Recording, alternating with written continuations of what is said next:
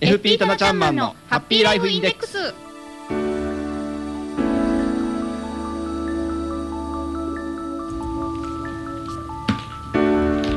FP タナちゃんマンのハッピーライフインデックス。この時間はあなたの夢と未来をトータルサポートするライフサポート有限会社の提供でお送りします。私たちと一緒にぜひ明るい未来幸せな生活になるためのマネーライフを考えてみませんか？この番組ではあなたからの疑問質問も受け付けています。宛先は浜園専用メールアドレスまでどうぞ。番組中に送っていただいてももちろん大歓迎ですよ。hama アットマーク p-wave.ne.jp ハマアットマーク p-wave.ne.jp です。いろいろな質問メールお待ちしてます。さあそれでは今日も早速一級ファイナンシャルプランニング技能士でありライフサポート有限会社代表のタナちゃんマンを呼んでみましょう。皆さんご一緒に。せーの。タナちゃんマンはいこんにちは。棚橋です。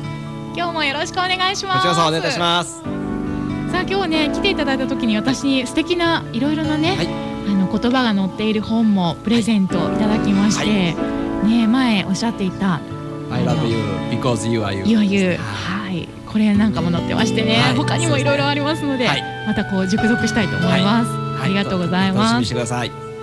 さあ今日のタナちゃんマンテーマは何でしょうか、はい。今日はですね、えー本来の投資運用についてお話をしていきたいなと思います。投資運用、はいなんだか難しいお話にタイトルを聞くと思いがちなんですが、そうえーっていうのはですね最近ですねもうあのいろんなお客様のご相談だとかお話を聞いておりますとどちらかというと投機的な運用を目指されている方が多いものですからはい、まずその投機と投資の違いっていうところをお話ししたいなと思っております。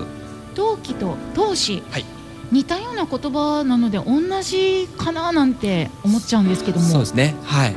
どのような特徴と違いがあるんですか、はえー大雑把に言ってしまいますとですね、投機的運用これはもうざっくり言ってしまうと博打的運用だと思うんですね。あららそうなんですね、はい。で投資は本来のまあ投資運用将来に向けてのあのお金の運用はいというふうに私は位置づけております。なるほどそれは大きな違いですよねはい。じゃあ、えー何をじゃあ投機運用かはいっていうところなんですけれども、えー最近よく流行りのですね、えー株式のデイトレードであったりとか最近世界的にはですね、えーマネーがすべてオイルの方に流れている。うん。オイルマネーですね。よく、はい。うしえー新聞だとかニュースでも投機マネーというふうに言われておりますよね。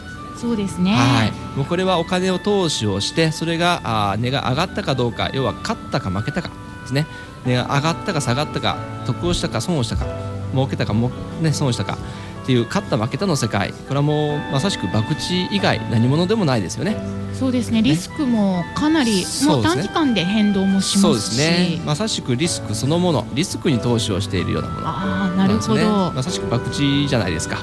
これを博打というとゲーム的に楽しむのはいいですけれどもね。よくマネーゲームとも言われますよね。はい、はい、これを投機マネー投機運用というふうに言っております。なるほど、はい、で本来の投資っていうのはやっぱりはい。そうじゃないんですよね。はいはい、例えば株式でいきますと例えば、えー東インド会社っていう会社を原口さんは聞いたことありますか、はい、歴史の授業で習いました。あさすがですね。いやいやいや、はい、教科書で読んだぐらいなんですけど、ね。はい。これは世界で初めて生まれた株式会社と言われている会社なんですけれども。初めてのそうですね。はい。それでは歴史の教科書にね出てくるんですけれども、うんうん。えーこれ何をしていた会社かというと、お貿易の会社なんですよね。そうですね。はい、昔は陸路しかなかったんですね。あのシルクロードを使って、えヨーロッパの方からねヨーロッパの方からアアジアへえー貿易をしていた、ねはい。馬だとかあーラクダかな？に荷物を乗せてテクテクとねえー貿易をしてたんですけれども、はい。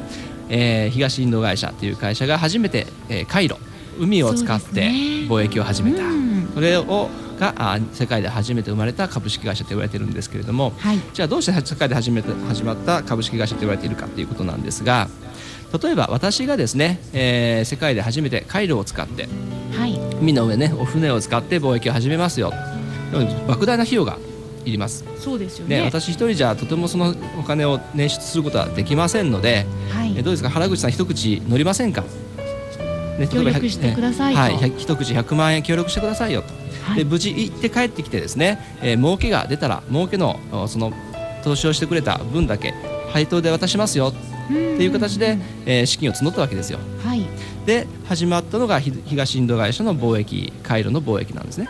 そうなんですね、はい、つまりその東インド会社という会社にですね投資していただく方を募ってお金を集めてですね貿易を行って、はい、で、えー、得た利益からあ投資をしてくれた方に分配をしていく、まさしく株の、えー、誕生ですよね。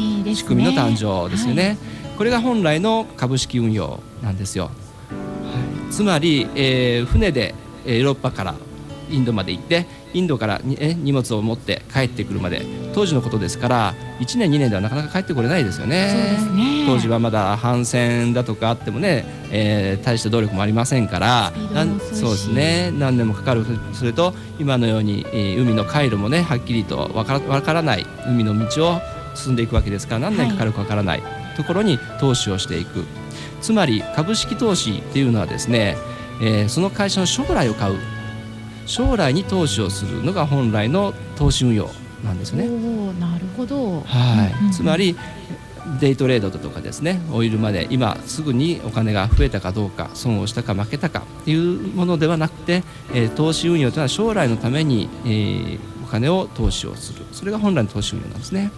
はい、なので何年か計画でそうですね。見据えてそうですね。しっかりと研究もしてそうですね。はい、ですので、はい、本来の投資というのは将来のためにいつ何のためにお金が必要なのか。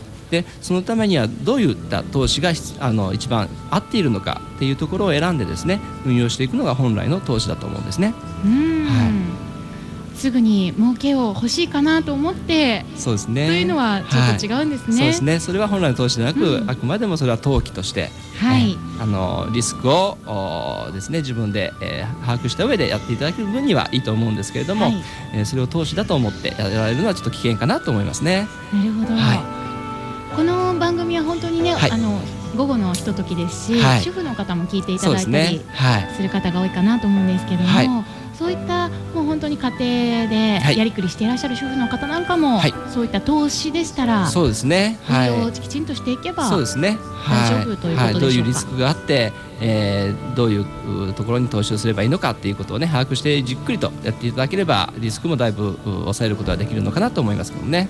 なるほど、はい、ではえー、預金、貯金などとまた別の種類でこうリスクを分配するということで投資を使っていただくというのも一つの手ですよね。そうですね。はい。わかりました。今日のお話は投機と投資、はい、この2つは大きく違うという、はい、そんなお話をいただきました。はい、さあ実は、えー、主婦の方とてもよく聞いていただいてるんですよというのを言いましたけれども、はい、メールがいつ届いておりましてありがとうございます。ご紹介しましょう、はい、ラジオネーム家計戦隊さん。はい。なんかタナちゃんマンと一緒にこう戦ってくれそうですね。ね、ね、強い味方ができて、ね、はい、心強いです。はい、家計のために戦う主婦です、はい、ポットを見てからこの番組を知りました。ありがとうございます。毎回感慨深く聞かせてもらっています、はい、省エネの話などがとても身近で分かりやすかったので、はいそんなお話も増やしてもらえると嬉しいですと。はいわかりました。はいいただきました、はい、家計戦隊さんありがとうございます、はい、ありがとうございます。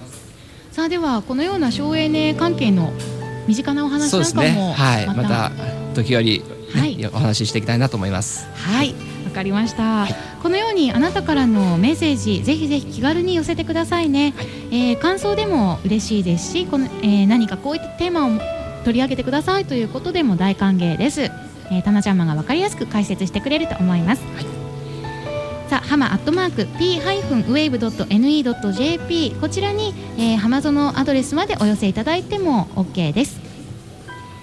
さあ、今日もいろいろなお話、役に立つ情報を提供していただきました。FP タナちゃんマンのハッピーライフインデックス。この時間はあなたの夢と未来をトータルサポートするライフサポート有限会社の提供でハマゾのサテライトスタジオからお送りしました。それではまた来週この時間お会いしましょう。バイバイ。失礼します。